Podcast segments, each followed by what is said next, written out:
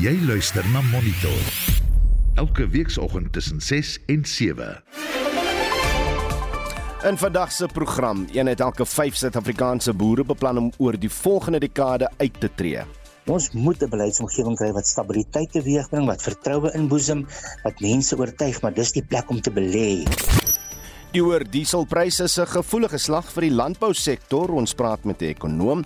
Belarus se weermag begin met gevegsgereedheidsoefeninge. Aan Rusland en Putin, miskien een van 'n bondgenootskap terwyl dit aan die NAVO en die Oekraïners waarskynlik 'n boodskap stuur van uh, ons is nie werklik saam met julle nie en ons maak onsself gereed ook dat julle nie moet op ons grondgebied oortree nie en hulde aan 'n bekende spotprent tekenaar. Welkom by Monitor. Die span vanoggend is redakteur Wessel Pretorius, produksieregisseur Daitran Godfrey en ek is Oudo Karelse. Goeiemôre.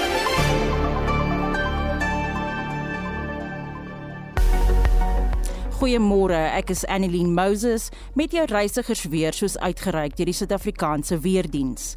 Ons begin met 'n waarskuwing. Toestande bevorderlik vir die ontstaan van weggolfveldbrande word verwag oor Handam munisipaliteit in die Noord-Kaap en sentrale Karoo distrik sowel as die Kanaland munisipaliteit in die Wes-Kaap. Hier volg jou minimum en maksimum temperature. Pretoria 11:23. Johannesburg 9:21.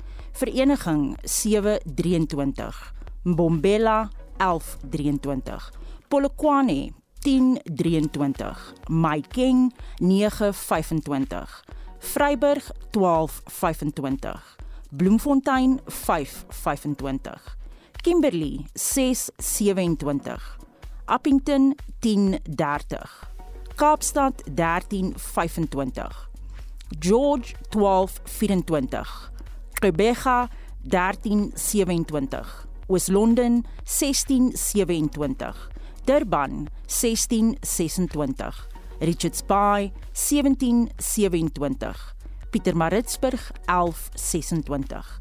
Vir meer inligting, besoek die weerdiens se webwerf by www.weathersa.co.za.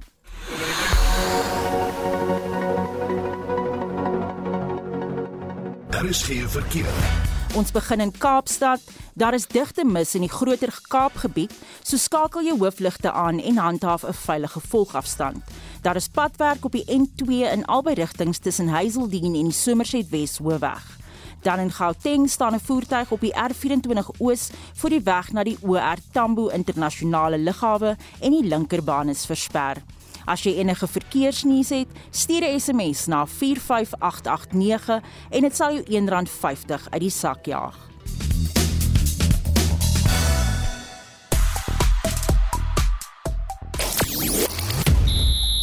En vanoggend se sportkampioene en DStv Premier Liga uitslaa. Prysgeld vir die Franse Ope word bekend gemaak en heelwat Suid-Afrikaners is op die golfbaan in aksie.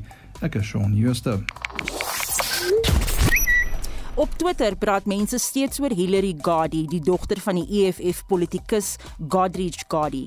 Dit nadat 'n nadoetse ondersoek bevind het dat sy aan 'n skietwond dood is. Monitor jou oggendnuusprogram op RSG. 10 minute oor 6. Navorsing deur die Universiteit Stellenbosch toon dat een uit elke 5 boere beplan om oor die volgende dekade uit te tree. 'n Senior ontleder by die Buro vir Voedsel en Landboubeleid, Dr. Candas Kloete, het die studie gedoen. Sy het aan Marlenae Forsie gesê die meeste boere wat van beroep wil verander, is tussen die ouderdom van 30 en 45 die rede hoekom hulle ophou. Hulle het soortgelyke karaktereienskappe as die bo 65 met hulle onsekerhede rondom landboubeleid as ook hulle finansiële probleme en uitdagings waarmee hulle sit op plaasvlak, maar ook in ons mening is dit omdat hulle nog jonk genoeg is om 'n tweede loopbaankeuse uit te oefen. Verskeie boere tree uit omdat hulle geen ander keuse het nie. Hulle sê net hulle kan nie voortgaan nie. Hulle sit met finansiële uitdagings wat maak dat hulle net nie kan aanhou nie. En een van die ander redes is dat die koste om te herbou, om te vervang op plaasvlak raak net vir hulle te veel. Om op te hou boer gebeur ook nie oornag nie.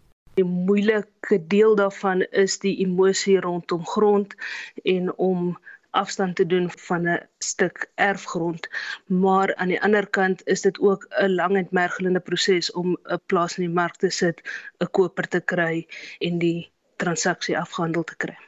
Tog is daar genoeg grond. As 20% van die produsente oor die volgende 10 jaar beplan om uit te tree, beteken dit dat 20% van plase in elk geval op die open mark beskikbaar gaan kom. Daarom is dit nie 'n kwessie van te min grond wat in die mark beskikbaar kom nie. Diegene wat kies om in die bedryf te bly, word in die algemeen deur sakevertroue en produksielenings aangespoor. Dit klink so half teenstrydig, maar waar ons vind dat daar's uitdagings om uit te tree is iets soos 'n produksielening wat jou vashou in jou produksie. En dan die ander deel is ouens wat sê ek sien kans vir hierdie bedryf in Suid-Afrika. Dit was Dr. Kandas Kloete, 'n senior ontleder by die Buro vir Voedsel en Landboubeleid wat onlangs haar doktorsgraad aan die Universiteit Stellenbosch behaal het. Sy het 450 boere genader en haar navorsing word as die mees omvattende navorsing van sy aard beskou. En ons Marlene het ook by verskeie landbouorganisasies gaan hoor wat hulle van die studie dink. Die bestuurshoof van TLUSA, Benny van Sail, sê die navorsing sluit aan by die organisasie se standpunt oor landboubeleid. Wanneer hierdie soort van tendens sy kop uitsteek, dan moet mens net glo dat ander kundige boere heel moontlik dan op daardie grond sal aangaan.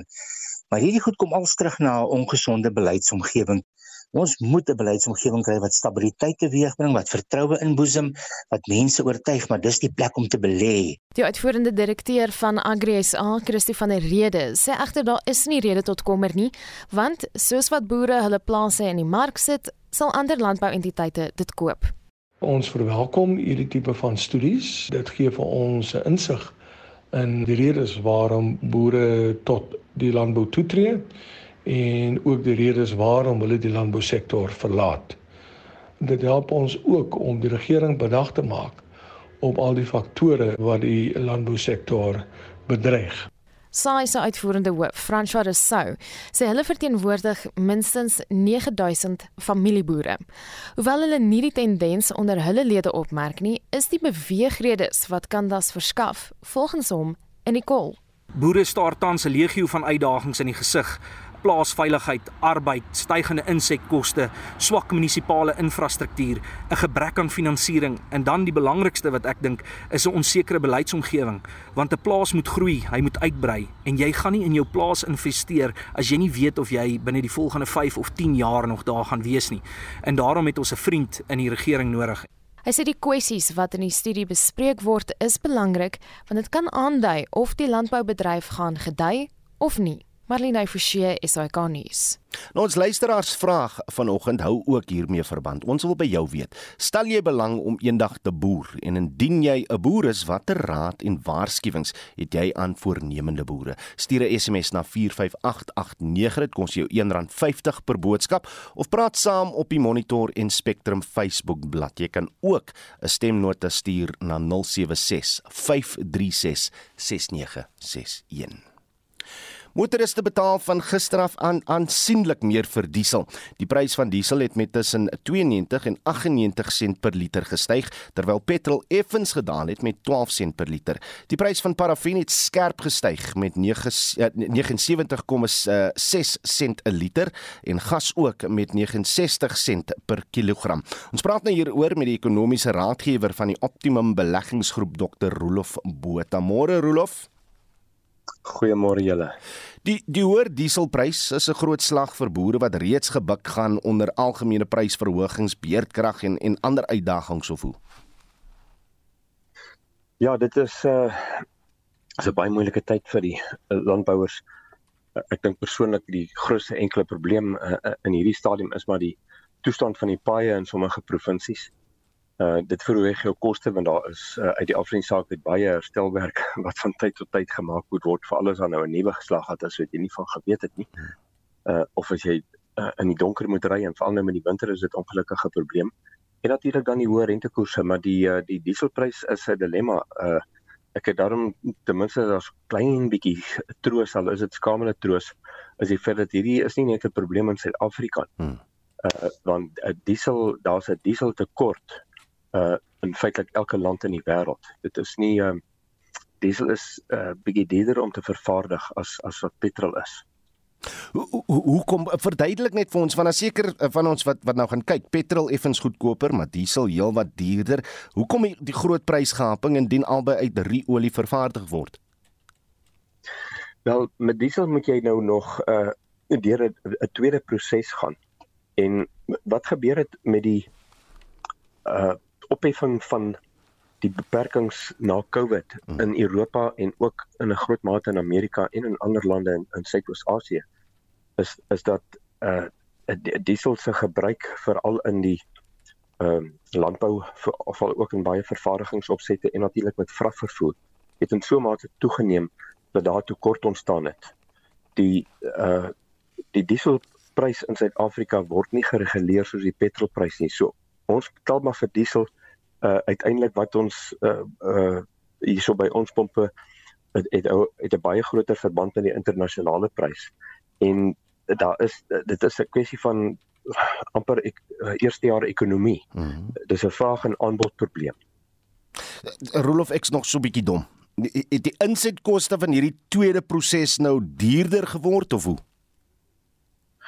Ja, uh ek weet om om om diesel nou uh ek ek dink baie van die luisteraars sal weet wat met internasionale skipsvragtariewe gebeur het. Hmm. Daar het in sommige gevalle het dit in die tydens uh, COVID dit nou so bietjie verbeter, maar tydens COVID het dit verhoog met uh, in die uh, in in party gevalle hier naby aan 100%, selfs meer. Daar daar was 'n tekort gewees toe die ekonomie nou weer begin funksioneer het. Hmm. Uh want as daai as daardie reuse skip nou gestaan het vir 'n paar maande, kan jy nie net soos 'n klein karretjie gaan aanskakel nie. Okay. Dit dit dit neem tyd. So dit dit dit, dit baie van die uh, hierdie probleme met die dieselpryse het, het te doen met die aanbodkant ontwrigting wat as gevolg van COVID ontstaan het. Ons kan eintlik al dankbaar wees dat die die prys is waar hy is in in Amerika het die prys van diesel in die laaste jaar met 61% gestyg ja. teenoor net 47% vir petrolpryse. Hmm. Dit is uh, ons ons volg die internasionale tendens wat dit betref. So uh wat ek probeer sê is dis nie die regering se skuld hierdie keer nie. Dankie. Nou begin ek 'n bietjie beter te verstaan. Die, ja. die regering se se tydelike verligting van R1.50 die afgelope 2 maande vir 'n uh, uh, uh, verval einde van die maand kan en en moet die regering die verligting verleng? Ongetwyfeld. Jy weet die uh, WNR ehm um, het uh, onlangs bevind dat Byna 60% van huishoudings in Johannesburg en Pretoria spandeer meer as 10% van hulle besteedbare inkomste op openbare vervoer.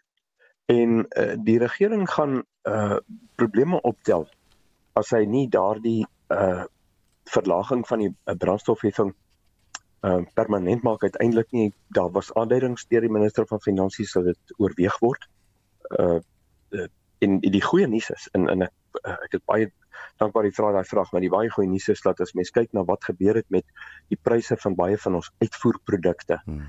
uh met ystererts en steenkool veral wat hierso tussen 30 en 60% gepling gespring het hierdie jaar alleen tot tot nou toe uh, in in die feit dat ons in maart maand die die uh, hoogste uitvoersyfer in ons geskiedenis gekry het ja. die vorige rekord was 154 miljard rand verlede jaar in maart Hierdie jaar in Maart was hy 100 net diskant 170 miljard rand. Wat dit beteken want daar's 'n baie noue verband tussen ons totale uitvoere en die regering se belastinginkomste, veral uit die mynwese uit en dividendbelastings. Daar's 'n bietjie van 'n sloeringseffek, maar die goeie nuus is dat die regering sal genoeg geld hê, hulle sal dit kan bekostig om die uh hierdie verlaging van die brandstofheffing ten minste vir nog 'n hmm. paar maande uh, te laat geld en ek sal ek sal baie verbaas wees as hulle dit nie doen nie. Nou, hang ons maar op Enoch Konogwana se lippe. Uh, nou wil ek net net Europa toe gaan want die Europese Kommissie het nou 'n totale verbod op olie invoere van Rusland voorgestel. Wat se impak gaan dit hê? Uh, jy weet die die die Russe uh is is slimmer as wat ons dink. En omdat uh, daar 'n klomp lande is, insluitende Indië en China, daar in Asië wat nie bereid is om sanksies teen Rusland te hef nie het die Russe 'n manier gekry uh daar uit die Swart See en die Baltiese See uit met met baie uh uh goeie hawens om om nog olie uit te voer en sover ek nou kan agterkom ek het 'n Bloomberg artikel hieroor gelees uh, die uh, Indiërs omdat hulle so bietjie uh jy weet uh minder buitelandse valuta op die oomblik het weens die sanksies is hulle besig om laer pryse te beding met die Russe. So die Russe is nog besig om olie te pomp en uit te voer daarna Suidoos-Asië toe. So by Europa skiet hulle self eintlik maar net in die voet. Maar gelukkig vir die Europeërs is is hulle sommer uh, uh, aan die kom. Maar, maar dit het die energiekrisis in Europa is is baie veel erger as uh, ons ons het nie ons het nie daai tipe probleme hierson nie die, die uh, daar's ten minste drie lande Duitsland, Griekeland en ek dink ehm um, Italië wat oorweeg om uh, kragstasies wat met steenkool steenkool uh, gebruik wat wat afgeskakel is om hulle weer in die gang te kry. So erg is daardie energiekrisis in Europa. Net 'n laaste vragie. Ons ons regering se se buitelandse beleid uh, aangaande Rusland en die inval maak dit seker moontlik of hoe vir vir ons regering om saam met die Russe te gaan praat en self te onderhandel vir 'n beter prys. Uh, dis nie onmoontlik nie, maar ek ek dink die skeepsroetes gaan gaan ons 'n bietjie kniehalter. Uh, ek is nie doodseker daaroor nie. Mm -hmm. Maar ons kan natuurlik altyd met die Chinese veral nou dat hulle uh volgens my inligting Shang Shanghai so so bietjie uh onder druk plaas. So daar's baie min aktiwiteit daarso. Die feit van die saak is daar is wêreldwyd is daar 'n reuse vraag na energie, basies energiebronne van steenkool tot olie tot diesel. So lande sal nou eers na hulle eie behoeftes wil kyk en wat nou gebeur is daar soos voorraadopbouing. Hmm. Die voorrade van van diesel in Amerika het 'n uh, 'n laag 'n uh, uh, 16 jaar laagtepunt bereik. En uh, so die vraag uh, hou aan om net toe te neem terwyl die aanbod nou nou beperk word, maar ek dink nie Europa gaan hond daaraf maak daarmee. Nou, Dr. Rolf Botha, ek sê vir jou baie dankie vir jou insig en hy is ekonomiese raadgewer van die Optimum Beleggingsgroep. Die polisie het bevestig dat 'n forensiese span 'n skietwond aan die bo-lyf van die vermoorde Hillary Gardi, dogter van die gewese EFF sekretaris-generaal Godrich Gardi, gevind het. Haar liggaam is maandag tussen Sabi en Bombela gevind nadat sy Vrydag verdwyn het. Vincent Mofokeng het meer besonderhede. Terwyl die nuus van die dood van Hillary Gardi skokgolwe regoor die land stuur, het die polisie in Mpumalanga onthul hoe hulle die lijk van die 28-jarige vermoorde vrou in bosse gevind het met sigbare wonde aan haar kop.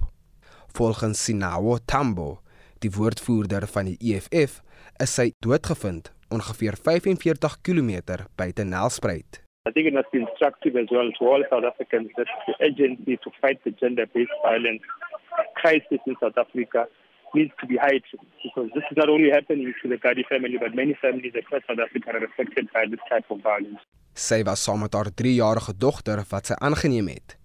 Die kind is veilig tuis nadat sy ure nadat die twee vermis geraak het in 'n straat in Kamagugu gevind is. She's with us here as the family. She's safe and sound, but she was instrumental in giving us an impression that something was uh, dangerously wrong with the disappearance of Gandhi. She was found wandering the streets of the Kamagugu area here in Bombela, Nelson. And uh, when she was spoken to, she was one who was able to indicate to us that mommy is fighting, mommy is fighting. So that gave us a sense that she was taken against her will. She didn't just go missing in action as a responsible parent. Tambu sê hulle sal die familie die hele week bystaan omdat hulle ook persoonlik deur Hillary se sterfte geraak is. The family is extremely distraught, which is why they've uh, asked the EFF to handle all communication with the public. And it's understandable. They're part of our family as the EFF. We've had intimate encounters with the Gadi family as well as our former Secretary General was a very welcoming person. So we've met his daughter and we understand the loss that he has suffered. Dit was Sinawo Tambo, die woordvoerder van die EFF. Hillary, wat Gadi se eersgebore dogter was, is in 1994 in Nigeria gebore. Voor haar ontydige dood was sy student aan die NISA waar sy deeltyds informasie tegnologie studeer het terwyl sy haar eie IT-maatskappy bestuur het. Vincent Mufokeng, SAI Garnis. Een van Afrikaans se bekendste spotprent kunstenaars, Fred Mouton, is gister na 'n lang stryd teen kanker op 75 jarige ouderdom oorlede. Hy het spotprente vir onder meer die Burger en Weg geteken. Ons praat nou met die oud redakteur van hierdie publikasies, Ban Boyens. Ban, goeiemôre. Môre Ido, baie dankie vir die kans om hulde te bring aan Fred. Vir 50 jaar was hy betrokke by die burger uh, en as ek reg is in die in die 100 jaar 107 jaar bestaan van die burger was daar net 3 spotprentkunstenaars en hy was een van hulle gewees. Uh, uh, maar dis 'n man wat glo eers by die advertensie afdeling begin het of hoe?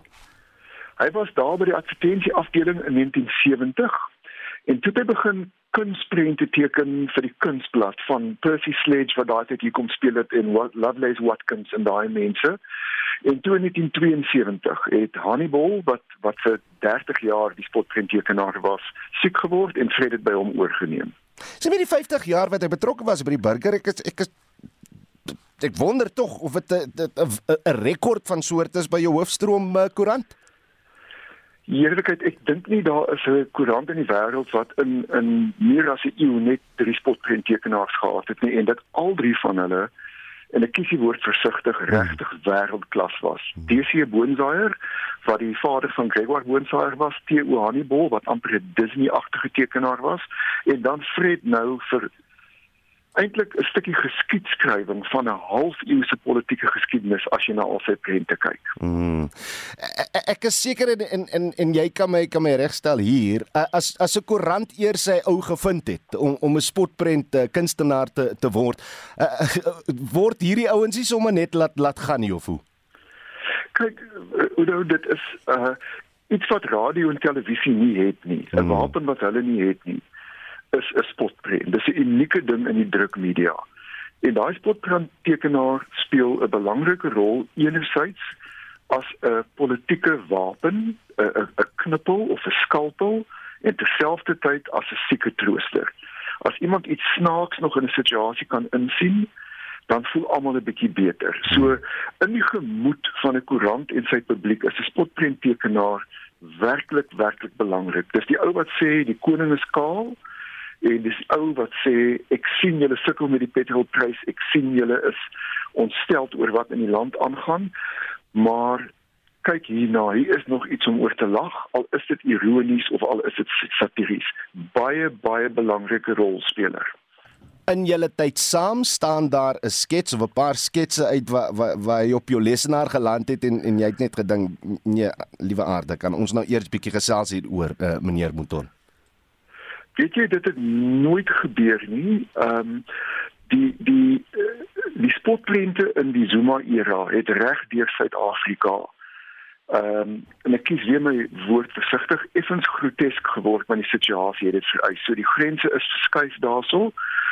Ehm um, Fred het nooit iets geteken wat waarvan ek nie gehou het nie. Hy was 'n hy was nie van nature 'n verneinige mens gewees nie.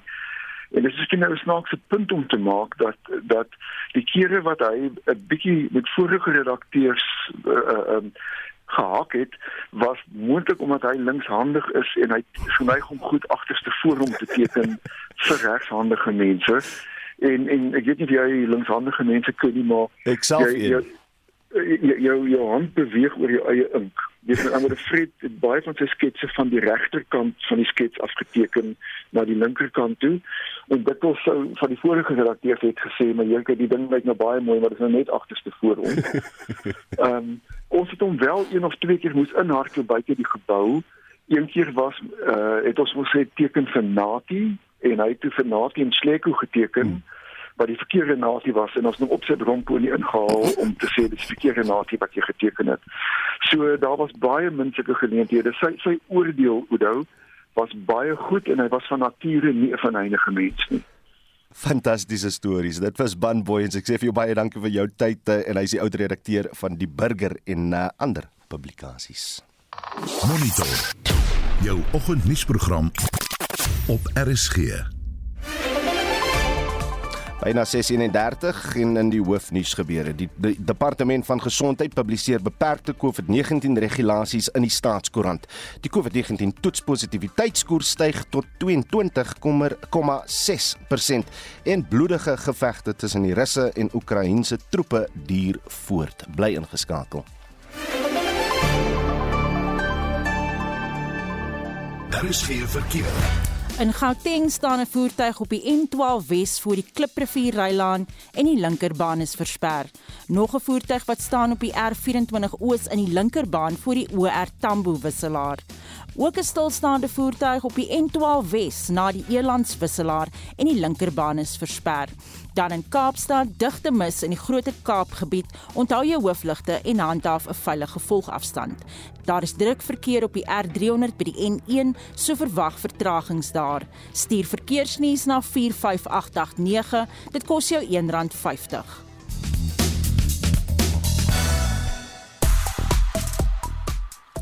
Stel jy belang om eendag te boer en indien jy 'n boer is, watter raad en waarskuwings het jy aan voornemende boere? Dis wat ons vanoggend by jou wil weet. Bram skryf op Facebook: Ek mis my diere, maar vandag is ek dankbaar dat ek klaar is met plaas en boerdery. Ek respekteer die manne wat nog in is en hoop en bid dat omstandighede net beter sal raak vir hulle.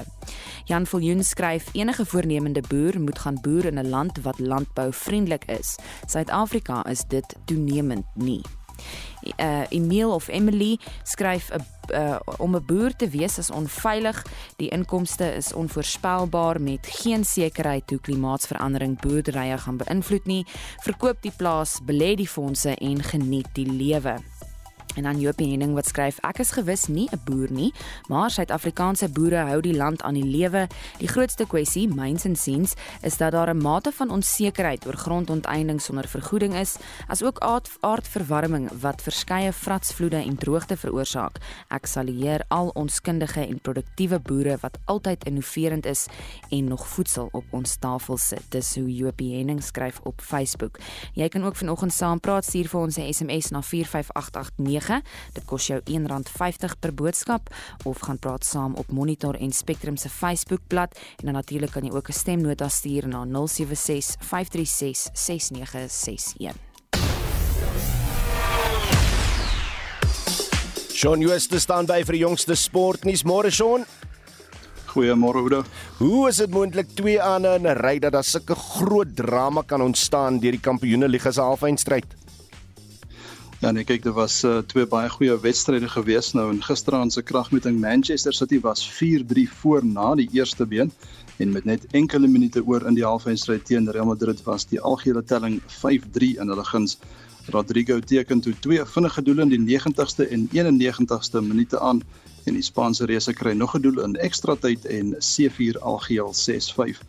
Nou die eindstryd op 28 Mei teen Liverpool kan Madrid se 14de titel wees. Dan in die DStv Premier Liga het Baroka FC 1-0 teen Golden Arrows en Maritzburg United ook 1-0 teen Royal AM gewen en Chippa United in Cape Town City kon geen doele in hul wedstryd aanteken nie. Op die tennisbaan is daar groot name by die Madrid Ope in aksie en die prysgeld vir die Franse Ope is ook nou bekend gemaak.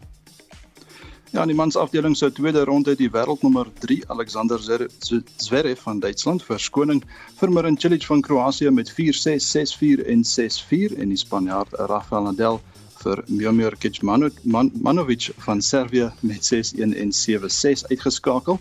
Dan in die vroue afdeling het die agste gekeerde aansebeer van Tunesië met Simona Halep van Roemenië afgereken, die telling 6-3 en 6-2. Die organiseerders van die Franse Ope wat op 22 Mei afslaan het aangekondig dat vanjaar se enkelspelkampioene 2.2 miljoen euro elk sal ontvang en dit is meer as 36 miljoen rand. En op die cricketveld nog 'n oorwinning vir die Suid-Afrikaanse A-span dit nou in Zimbabwe en die IPL reeks se 49ste wedstryd is nou reeds voltooi. Wat het daar gebeur? Die Suid-Afrikaanse A-span het nou 'n 2-0 voorsprong in hulle T20 reeks teen die Zimbabwese elftal na 'n oorwinning van 22 lopies in gister se tweede wedstryd. Die derde van vyf wedstryde vind dan môre plaas. En die IPL reeks het die Royal Challengers Bangalore die Chennai Super Kings met 13 lopies geklop en is nou 4de op 12 punte. En die Bang Bangalore met Suid-Afrika se Faf du Plessis as kaptein het 173 op die tellbord geplaas en Chennai tot 160 beperk. Chennai bly 9de op die punteleer. En laastens Sean golfliefhebbers kan nader staan. Watter toernooie kan ons na uitsien oor die volgende paar dae? Die PGA Tour se Wells Fargo Kampioenskap slaan vanmiddag kort voor 1 in Maryland af. Die vier Suid-Afrikaners wat deelneem is Dylan Fratelli, Brandon Grace, Charles Schwartzel en Davie van der Walt. En Rory McIlroy van Noord-Ierland is die verdedigende kampioen. In die DP Wêreldreeks, se Britse Meesters toernooi, begin 09:30 in Wishaw in Engeland met 14 Suid-Afrikaners in die veld. Dit sluit Oliver Becker, Dean Burmester, Enie Du Plessis, Justin Harding en ook Daniel van Tonderen om net 'n paar te noem. Die plaaslike Richard Bland was die wenner in 2021. En dit dan Shaun Jooste van RSG Sport en net 'n vinnige brokkie vir ons uh, afsluit. Die Universiteit van die Wes-Kaap bied van vandag tot Saterdag die USA Atletiek Kampioenskap aan waar die land se top studente atlete byeenkom. Die EWK Sportstadion staan van vanoggend al gereed om toeskouers te ontvang mits hulle ingeënt is.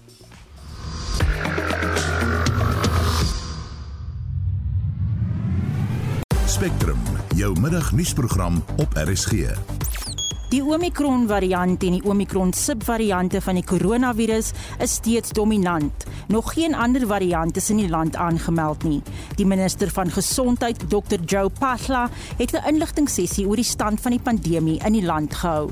We started to notice a continuous rise in daily infections led in the main by the provinces of Gauteng, Western Cape and KwaZulu-Natal. There has been a 137% increase in new cases compared to 7 days prior. Spectrum, weksmiddag tussen 12 en 1 net op RSG.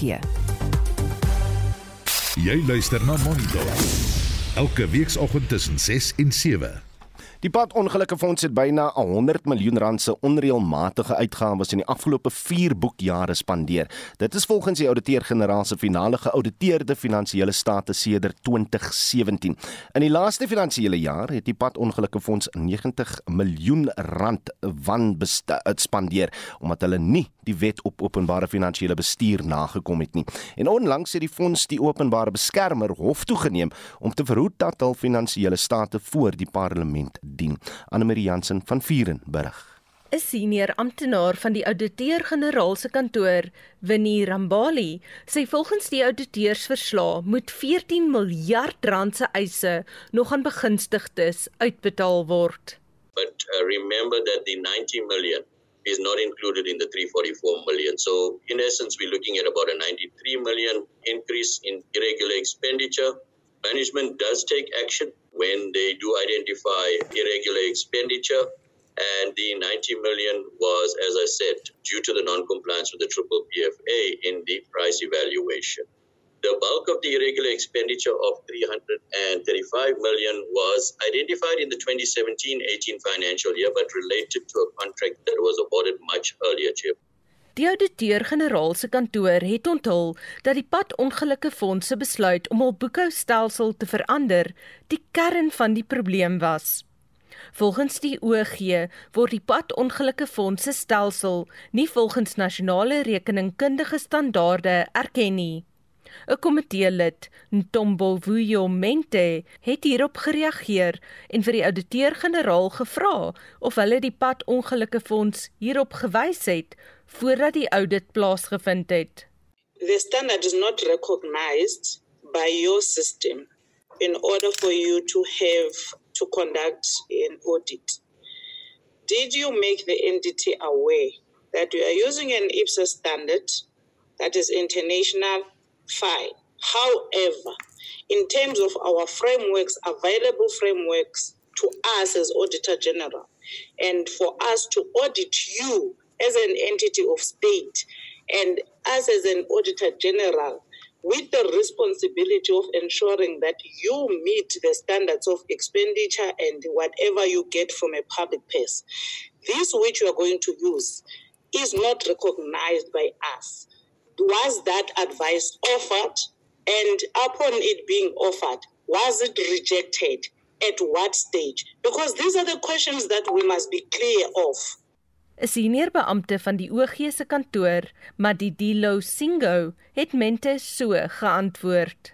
We did advise them that the standard is not available for use. We also did advise them that it would not be appropriate to use that particular standard in the adoption and of the accounting policy and the preparation of the financial statement. So yes, those engagements did indeed take place, and and I think those were again, if you've listened to uh, what we've been engaging on throughout the morning, was that it was actually at the core of the disagreement and the protected nature of, of this audit process in the current year. 'n Lid van die parlement se staande komitee oor openbare rekeninge, oftewel skoor, Bekkie Gadebe, wil weet of enige stappe teen die padongelukke fonds bestuur geneem gaan word. Knowingly opt for something that is not catered for in directive fund. If they can share with us, will we be justified to seek to recommend that there should be consequences for such an action? Thank you, Chair. Singo het hom so geantwoord. To the extent of consequence management in terms of whether there is any particular regulatory body that would be tasked with taking consequence management in terms of a, an accounting standard that had been adopted, which, which is not available for use. We, we are not aware of one. But safe to say that there is always a responsibilities on those charged with governance, on the executive authority and the other parliamentary structures to interrogate the results that are coming out or the outcomes that are coming out. Nog 'n parlementslid, Nokuzula Tulashe, het die komitee versoek om 'n manier te vind om die saak te hanteer. And find a way on how we can it can be resolved and be avoided going forward. Because the impression that is created here, there's non-cooperation to one of them when it didn't fit and creating more problems for the other. So I think in avoiding this going forward, Chair, let's Escopa look at this matter so that we don't sit and ask questions between the two of them, but we provide more leadership than anything else. I'm worried, Chair, if one entity can behave like we mm-hmm. are being informed, then we have got bigger problem than we anticipate. Die verslag van Abongwe Kobokana in die parlement en ek is Anne Marie Jansen van Vuren vir SAK nuus. Dis nou tyd vir 'n blik oor wêreldnuus gebeure en ons begin in uh Oekraïne waar bloedige gevegte tussen die Russe en Oekraïense troepe voortduur in Mariupol by die Azovstal aanleg. Uh John Marie, wat is die jongste daar? Daar word vermoed dat minstens 200 Oekraïense burgerlikes, insluitend tientalle kinders, binne die staalaanleg vasgekeer is. Die Oekraïense president Volodymyr Zelensky het weer gevra vir die Verenigde Nasies se hulp om burgerlikes in Mariupol te help. Die BBC se Laura Becker sê die Russe sal na verwagting humanitêre korridors oopstel vir mense wat by die staalaanleg vasgekeer is. I have seen footage that reports to be smoke coming from the Avastal steel plant, but that's not all that's been going on. We've had a number of explosions here in Dnipro. We've had a missile strike in the center of the city. There have been a number of uh, shells dropped in a number of Ukrainian cities Dnipro, Zaporizhia, Kiev. And uh, I'm hearing, when it comes to the Azovstal plant, that Russia is planning to open humanitarian corridors in the next few days. So that will start from Thursday. Dis die BBC se verslaggewer Laura Becker. Intussen het die menseregte organisasie Disability Rights International kommer uitgespreek oor duisende fisiek gestremde Oekraïense kinders wat weens die oorlog in inrigtinge is waar daar nie na hulle omgesien word nie. Baie van die kinders is deur hulle versorgers wat na buurlande gevlug het agtergelaat. Eris Rosenthal is die uitvoerende direkteur van Disability Rights International. They barely had a time to give them any individual attention before the war. Now they are left lying in cribs, lying in beds, tied down, total neglect. It's very dangerous. These children with disabilities are paying the price for the war. Dis Eris Rosenthal, die uitvoerende direkteur van Disability Rights International. Die VN se sekretaris-generaal Antonio Guterres se drie-nasie besoek aan Wes-Afrika is nou verby. Wat het daar uitgekom? So Guterres se besoek was bedoel om solidariteit met die streek te toon tydens die heilige maand van Ramadan. Hy het onder meer kommer uitgespreek oor 'n toename in terreuraanvalle in die streek en die impak van die Oekraïne-oorlog op voedselsekerheid in Afrika. Sy woordvoerder is Stefan Dujarric. The Secretary General said the conflict only makes things worse, setting in motion a three dimensional crisis uh, that is devastating global food, energy, and financial systems for the developing world. Addressing the issue of global food security, he said he is determined to do everything to facilitate a dialogue that can help bring back the agricultural production of Ukraine and the food and fertilizer production of Russia and Belarus into the world markets despite the war. Dis die VN woordvoerder Stefan Dujarric. In 15 jaar Joni M na haar verdwyning is daar verwikkelinge in die Madeline uh, McCann saak. Dit is so Madeline was 3 jaar oud toe sy in 2007 uit 'n vakansiewoonstel in Portugal verdwyn het. Duitse owerhede beweer nou hulle het bewysstukke van Madeline in die voertuig van die hoofverdagte in haar verdwyning gekry, die 45-jarige Christian Brackner, uh, wat tans 7 jaar tronkstraf uitdien vir die verkrachting van 'n bejaarde vrou, ontken enige betrokkeheid by die kleuter se verdwyning. Hy is die eerste nuwe verdagte in die saak sedert haar ouers Kate en Jerry McCann verdagtes was. Ja, John Marie daar met 'n blitsoorsig van internasionale nuus gebeur. Ons bly in die buiteland want Belarus het gister sy weermag opdrag gegee om met 'n gevegsgereedheidsoefeninge te begin. Die soort oefeninge is nie vreemd nie, uh, veral vir weermagte nie, maar die die vraag is dus hoekom dit aan die groot klok hang. Anita Visser het die vraag gestel aan professor Abel Esterhuise van die Universiteit Stellenbosch se fakulteit krygskunde op Saldanha. Ja, dis 'n baie interessante vraag, 'n goeie vraag want weermag tradisioneel doen hierdie tipe van mobilisasie oefeninge juis om hulle eie gereedheid te toets en hulle wil dit eintlik nie in openbaar plaas nie. So die blote feit dat hulle dit wel bekend maak stuur 'n boodskap uit en ons kan spekuleer oor watse boodskap dit uitstuur aan Rusland en Putin, miskien een van 'n bondgenootskap terwyl dit aan die NAVO en die Oekraïners waarskynlik 'n boodskap stuur van uh, ons is nie werklik saam met julle nie en ons maak onsself gereed ook dat julle nie moet op ons grondgebied oortree nie. In die mediaverklaring word daar duidelik gesê dat hierdie oefeninge geen bedreiging inhou vir die buurlande van Belarus nie. Wat maak jy daarvan? Ek dink nie dit is so onskuldig as wat hulle dit voorgee nie. Ek dink dis 'n baie baie duidelike boodskap aan buurlande, aan Pole, aan Oekraïne dat hulle weermag hulle self voorberei en dat hierdie NAVO magte en die Oekraïners hulle self nie moet plaas en moet optree teen die grondgebied van Wit-Rusland nie. Dit alles binne die konteks van die baie noue vriendskap tussen presidente Alexander Lukasjenko en Vladimir Putin. Ja, daar's definitief 'n spanning in die samelewing in Wit-Rusland tussen die regering wat homself uiteraard baie baie naplaas aan Putin teenoor die samelewing oor die algemeen wat ek dink iets wat ongemaklik is met die noue assosiasie met Putin en Rusland en hulle self waarskynlik nader en in groter steun aan die Oekraïners wil sien en ons het dit gesien in die mate waartoe die spoorwegwerkers byvoorbeeld sabotasie gepleeg het in die vervoer van die Russiese wapentuig. Dink jy Putin sit agter hierdie oefeninge? Dink jy Lukasjenko se weermag doen dit in opdrag van Vladimir Putin? Wel, dit kan 'n moontlikheid wees. In Rusland gaan ons nou 'n baie belangrike periode in met die parades wat in Rusland hmm. gaan plaasvind en spekulasie oor Putin se verklaring van oorlog wat ook 'n baie sterk simboliese daad gaan wees. So dit is moontlik dat dit gedoen word in opdrag van Putin en ter ondersteuning van Putin, hoe paradoksaal dit nou ook al mag klink.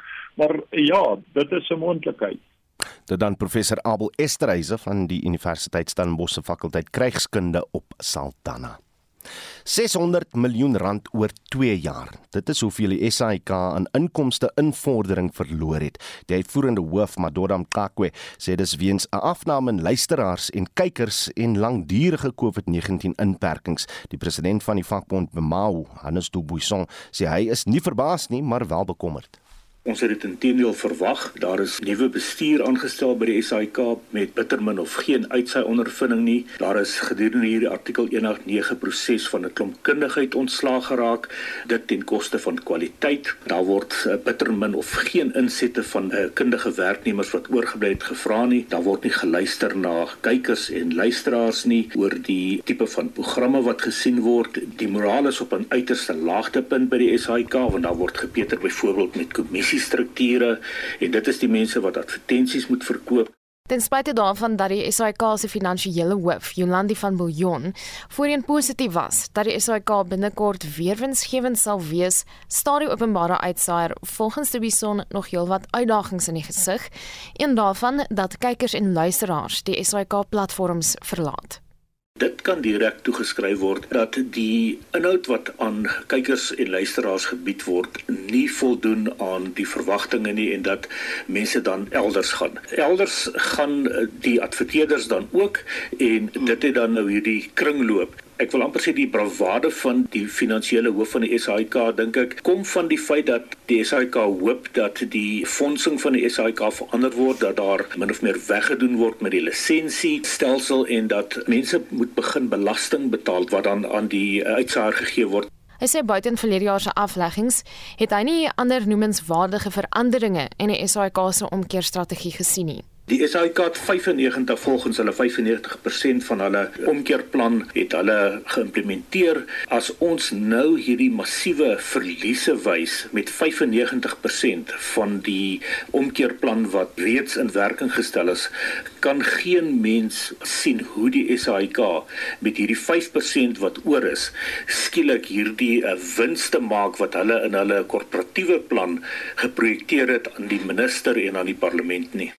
Dit dan die president van Bamau, Hannes Dubuisson, ons het die SAIK se woordvoerder Gugun Tuli genader vir 'n onderhoud oor die uitsaaier se reuse finansiële verliese. Sy sê die SAIK se bestuur wag vir die ouditeur-generaal se verslag voordat hulle kommentaar sal lewer. Die wêreld se beste gehoor gestremde atlete neem in Brasilië deel aan die 24ste Deaf Olympics. Amos Machele, die sekretaris-generaal van die Suid-Afrikaanse Dowe Sport Federasie, het vanuit Brasilië met Vincent Mofokeng gepraat. Net soos die Olimpiese spele vind die Doof-Olimpiade elke 4 jaar plaas. Die Deaf Olympics is die mees gesogte multisportbyeenkoms wat slegs vir dowe atlete bedoel is. Mashele sê daar is 3 spanne wat die land vanjaar verteenwoordig. As Team South Africa for the deaf, we have 3 teams here. We've got athletics, we have got golf and we've got swimming. In athletics, the team is comprised of 7 people, that is two managers, the other team manager is also doubling the role of the chief dimission, that is Thai Slattery. It's our former deaf athlete in swimming. So it's also myself. I'm the team manager for athletics, Amos Mashele. In athletics, you've got two athletes. That is Obageng Kako. It's also a student at St. Vincent School for the Deaf in Rosebank. You have Aubakwe, Kahlele, also athletics. In your golf, you've got Cedric, you've got Charles, and you've got uh, JJ Botter. The two are based in Cape Town. The last one is swimming. You've got two athletes there. You've got Amkele, Kamara, and Nemal. Mashele laat weet ook die golfspelers oefen tans vir hulle rondes wat Saterdag afslaan, terwyl die swemmers al gister begin het. Die spele was oorspronklik geskeduleer om in Desember 2021 plaas te vind, maar is uitgestel weens die COVID-19 pandemie. And with the deaf community, we have the Deaf Olympics, specifically for them. In order for an athlete to take part in this one, they must have their strong ear when they are tested for their hearing or audiogram. It should be 55 dB from their strongest ear of hearing. So, yeah, and they take part every four years or they are organized by International Committee Sports for the Deaf that it's uh, organizing. Different from what it's organized by is the IOLC, the one that SASCOG sent the teams to. However, I must also mention that we are a member of SASCOG also. Mashele verduidelik hoe gehoorgestremde atlete prakties op die veld presteer. The one maybe that you should be more interested in and it becomes a challenge when we come to back to our country because we don't have that technology. Is with the athletics. We do have our athletes they participate with the mainstream. However in the starting when we are in south africa you will find amos as a starter assistant for the deaf. They will be looking at me when I sign the start. They will be listening to the gun. You understand? So basically, in SA, you, I will be looking at the starter with the gun there. When he shoots, then I indicate to my team or to the deaf athletes to move. However, in this platform, we use lights. You've got the lights. You've got the light, a white, green, and the red. So those lights tells you it's like more like a robot. It tells you when the athletes needs to start and that is what it gives them the fair opportunity. Span Suid-Afrika het 'n span van 7 atlete van 3 sportkodes gestuur. Maar ongelukkig het geen vroulike atlete deurgedring tot die toernooi nie. Also, we are not happy about that. However, it was based on our qualifications. If you look at the swimming, we did not have any athlete that qualified from the ladies or women athletes, even with the swimming and even with the golf. And in our announcement, when we were pronouncing the team, we also indicated that we are disappointed to be sending males only, you understand. However, it's something that we are looking to correct going back immediately when we go back because we need to start working on that because it's not it cannot be fair and just to send a team into an international games and don't have any lady to to take part and if i have to say we had an athlete in uh, in athletics we had athlete natasha she's uh, in uj she's the deaf athlete she was our potential medal and athletes to represent us however in the preparation of the team the mom told me that she is suffering the hamstring now, so it's unfortunate that she couldn't take part. Dit was Amos Mashele, die sekretaris-generaal van die Suid-Afrikaanse Dowe Sport Federasie. Ek is Vincent Mufokeng vir SAI Garnis. Brandpunt. 'n Blitsoorsig van die dag se nuusbrandpunte. Die uitkomste van die ANC se nasionale uitvoerende komitee vergadering is bekend gemaak. Die voormalige parlementslid en politieke kommentator Pieter Mulder sê dit lyk of president Cyril Ramaphosa huis skoon maak. Die vroue liga word uitgesorteer. Hulle was pro Zuma geweest, mevrou Bambadele wat daarso was. Die jeugliga word uitgesorteer en op sy staan is dit baie belangrik een om dan nou die RET faksie of die anti-Ramaphosa faksie wat nou te neutraliseer. Brandpunt hou jou op hoogte van die dag se nuusgebeure elke weekmiddag om kwart voor 6 net op RSG. Brandpunt. Daar is geen verkeer. In KwaZulu-Natal staan daar 'n voertuig op die N2 suid na die EB Kloete wisselaar en die regterbaan is versper. In Gauteng staan 'n vragmotor op die N12 Wes by die Reading wisselaar en die regterbaan is onbegaanbaar. Nog 'n voertuig staan op die N12 Oos na die Gululies wisselaar. Ook 'n stilstaande voertuig op die N12 Wes voor Kliprivier Rylaan en die linkerbaan is versper. Dit was dan jou verkeersnuus vanoggend hier op Monitor.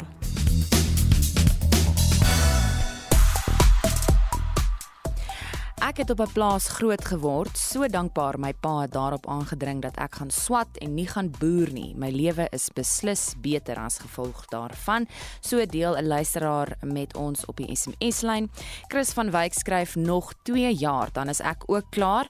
My seuns het gesê dankie, maar nee dankie. Frikkie Jones skryf mekaniseer soveel moontlik om so min as moontlik werkers te hê en moenie op die plaas bly nie om veiligheidsredes.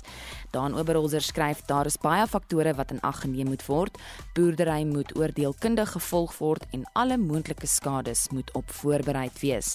En dan sluit ek af met Ria van PE wat op die SMS lyn vir ons skryf: Alle boere is helde en so sal dit ook in die toekoms wees. Ek salueer elkeen.